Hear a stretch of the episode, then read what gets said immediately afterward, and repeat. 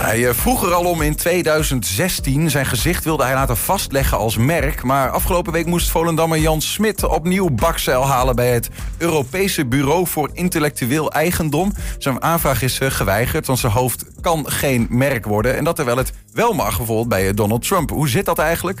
Nou, om ons nou ja, bij te praten in dit vraagstuk is uh, bij ons Thomas ten Berge, uh, ja, intellectueel eigendom, advocaat. Uh, ik weet echt niet of, da of dat daaronder valt, maar in ieder geval, je weet veel over merkrecht, portretrecht, dat soort dingen, privacy. Welkom. Ja. Um, wat, is, wat is hier eigenlijk aan de hand? Wat, wat, wat wil Jan Smit nou precies? Ja, wat Jan Smit wou is in 2015 of 2016 heeft hij een aanvraag gedaan om zijn portret, of in ieder geval een foto van zijn, van zijn gezicht, in te schrijven als een merk. Nou, en, uh, en, merken, dat zijn eigenlijk alle dingen die we, die we heel veel om ons heen zien waar je een product aan kan herkennen. Um, en nou, in eerste instantie was dat afgewezen, heeft hij het nog een keer geprobeerd. En uh, nu is het weer afgewezen, uh, mm -hmm. een, paar, een paar dagen terug. Hij kan het nu nog één keer proberen, maar wat eigenlijk is gezegd is dat het nou, gebrek is aan onderscheidend vermogen. Dus dat ze hem daarom hebben afgewezen als inschrijving. Hij heeft niet gezegd dat niet onderscheidend genoeg is. Dat, dat zal je maar gezegd worden. Maar goed, er zit wel wat onder, denk ik. Dat kun je ook uitleggen. Maar misschien eerst even... Ik, ik had altijd de illusie dat, uh, um, je, dat je beeldenis niet, überhaupt niet zomaar als uh, merk of zo gebruikt uh, kan worden. Waar, waarom wil Jan Smit dit eigenlijk? Nee, dat klopt. En daar, um, daar moet je dan ook wel een onderscheid in maken. Je, je hebt sowieso bescherming onder het portretrecht. En dat, nou, in Nederland is dat dan geregeld onder de auteurswet. En dat betekent dat nou, niet iedereen zomaar jouw portret mag gebruiken. Dus en dat een portret is dan een afbeelding waar jij op te herkennen bent. Jij als persoon. Um, nou, Jan Smit heeft bijvoorbeeld ook de naam Jan Smit ingeschreven als merk. Dat, kan, dat kon dan weer wel. Um, omdat uh, nou, ze daarvan hebben gezegd dat daar wel voldoende onderscheidend vermogen aan zat. Maar echt de, de gelaat, het gelaat... Wel in Nederland ja. weten er nog wel wat mensen Jan Smit. Maar ja. ja. ja. ja. Nou, dit zal wel de bekendste Jan Smit zijn in Nederland, denk ik dan. Uh, en het verschil tussen het portretrecht en het, uh, het merkenrecht zit ook om naar wat je wil beschermen. En bij het, binnen het portretrecht hebben we zoiets als verzilverbare populariteit. Dus dat betekent, ik ben uh, populair, dus daarom willen mensen mijn portret gebruiken. Een tijdje geleden zagen we dat bijvoorbeeld bij Max Verstappen, uh, met die reclame van Jumbo. Ja, precies. Um, bij Picnic uh, was dat, geloof ik. Klopt die, ja. ja.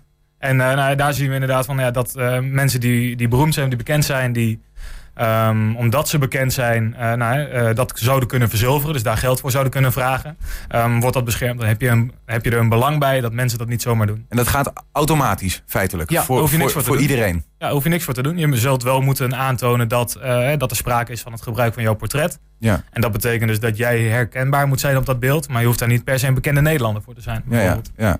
Maar dat is dus weer wat anders dan wat Jan Smit hier heeft gevraagd. Namelijk, ik wil een merk worden. En dan ja. komt er een ander soort recht bij. Een merk uh, ontstaat ook pas van het moment dat je hem inschrijft. Dus hè, een portretrecht heb je altijd. Hetzelfde als recht op privacy heb je altijd. Um, een merkrecht heb je pas zodra je het inschrijft. En dan zijn er bepaalde uh, eisen waar je aan moet voldoen voordat iets een merk kan zijn. Nou, één daarvan is uh, onderscheidend vermogen. En dat betekent niet dat iets per se heel bijzonder moet zijn of heel apart moet zijn. Maar je moet het um, product, het product waar het merk op zit, mm -hmm. moet je kunnen onderscheiden. Dus als je dat vergelijkt met frisdrank, op het moment dat jij een, fris, een flesje frisdrank koopt, kun jij op basis van het merk, uh, weet jij wie dat flesje frisdrank gemaakt heeft. Um, en dan kunnen het wel twee dezelfde soort, eh, het kan bijvoorbeeld allebei cola zijn. Maar door het merk dat erop zit, weet jij of het van de ene produ producent is of van de ander. Ja. Ah, en daarvoor dient een merk, dus om echt dat te onderscheiden. En het portretrecht zit echt puur op uh, bescherming van jou. Dus als, jij, als er voor jou een portret gemaakt wordt zonder uh, jouw toestemming. Dus -hmm. niet dat jij naar een fotograaf gaat en zegt maak een foto van mij. Uh, maar dat er een portret voor jou gemaakt wordt wat niet in opdracht is, nou, dan, dan kun je je daartegen verzetten. Dus dan kun je zeggen, ik wil dat niet. Ja. Wordt het wel in opdracht gemaakt, zoals de foto die Jan Smit nu ook heeft ingeschreven. Daar staat hij gewoon volledig van de voorkant op. En dat is echt een, ja, bijna een soort paspoortfoto. Uh, nou, dat is een opdracht gemaakt, dan mag dat ook niet zomaar zonder jouw toestemming gebruikt worden. Mm -hmm. um, dus de bescherming die hij wil met dat merkrecht gaat niet per se heel veel verder dan wat hij nu al kan doen. Mm -hmm. Um, maar ja, het, het, is vaak wel makkelijker aan te tonen. Want je kunt echt zeggen, um, dit beeld wat ik nu, nu hier heb, dit plaatje, ja. dit merk, mag niemand gebruiken. Ja. Uh, voor specifie specifieke diensten en, uh, en zaken waar het dan voor is ingeschreven. Ja. Ja, kun, kun, je een voorbeeld geven van wat er dan nu mis zou nu dat dus niet uh, gelukt is of zo? Mm. Wat zou er dan nu kunnen gebeuren waar hij bang voor is? Uh, waar hij bang voor is, ja, dat vind ik moeilijk uh, in te vullen. Ja. Maar uh, een van de dingen waar hij het bijvoorbeeld voor had ingeschreven of probeerde in te schrijven waren sierkussens of servetjes.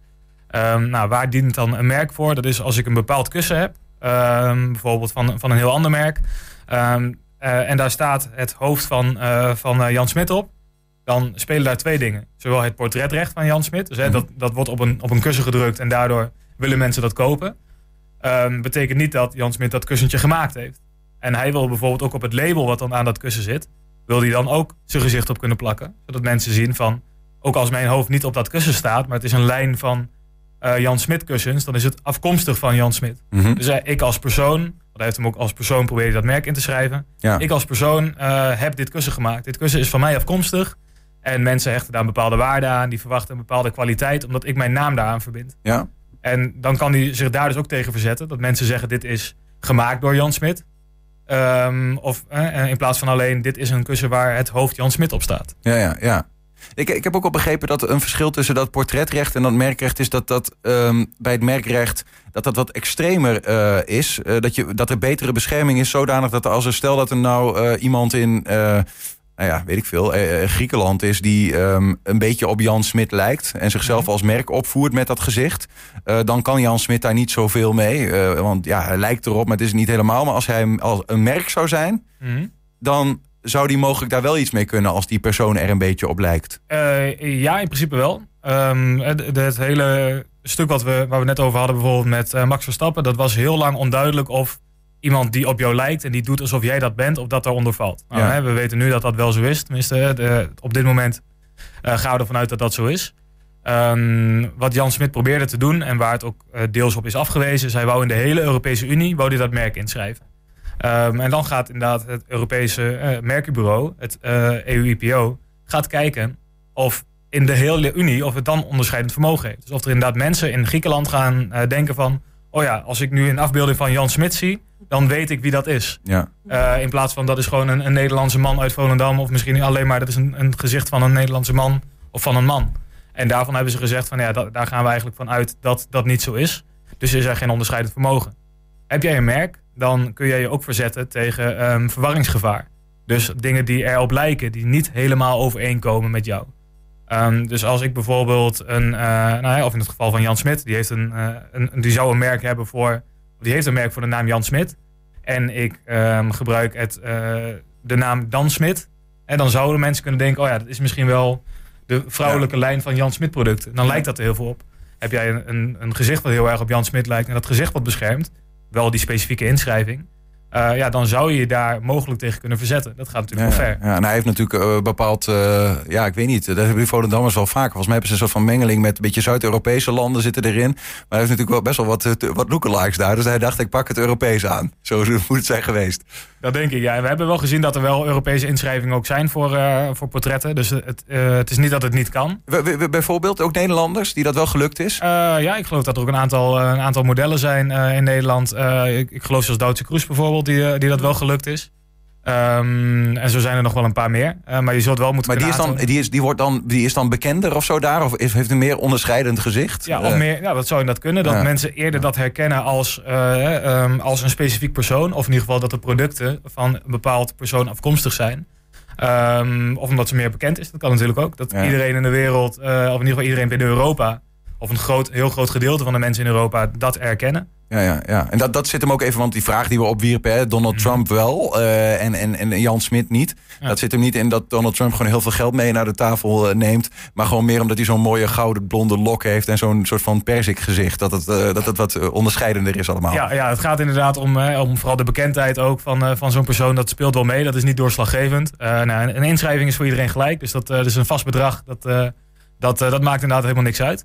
Maar en Donald Trump, ja, ik denk dat hij wereldwijd, wereldwijd bekend is. En uh, dat als hij zijn, zijn gezicht ergens aan zou verbinden, dat mensen eerder zouden denken: oh ja, dan is dat dan van, uh, van het bedrijf van Donald Trump afkomstig. En dat iemand in Griekenland of in Nederland of in Duitsland allemaal dat wel sneller zullen herkennen. Ja. Uh, wil niet zeggen dat het een gelopen race is, ook niet voor Donald Trump. Maar ik kan me voorstellen dat dat eerder uh, wat goedgekeurd. Ja. Ja, ja. En, maar ook voor Jan Smit nog niet helemaal het einde. Mocht hij het nog willen, heeft nog één kans zijn. Hè? De, wanneer, tot wanneer kan het nog weer opgerekt worden? Dat begon in 2016, of 2016. Maar... Ja, het, uh, er zit altijd een bepaalde termijn aan dat je inderdaad in, nu nog in beroep kan. Maar ehm, ik geloof dat het, het, het, Europees Merkbureau in dit geval heeft gezegd...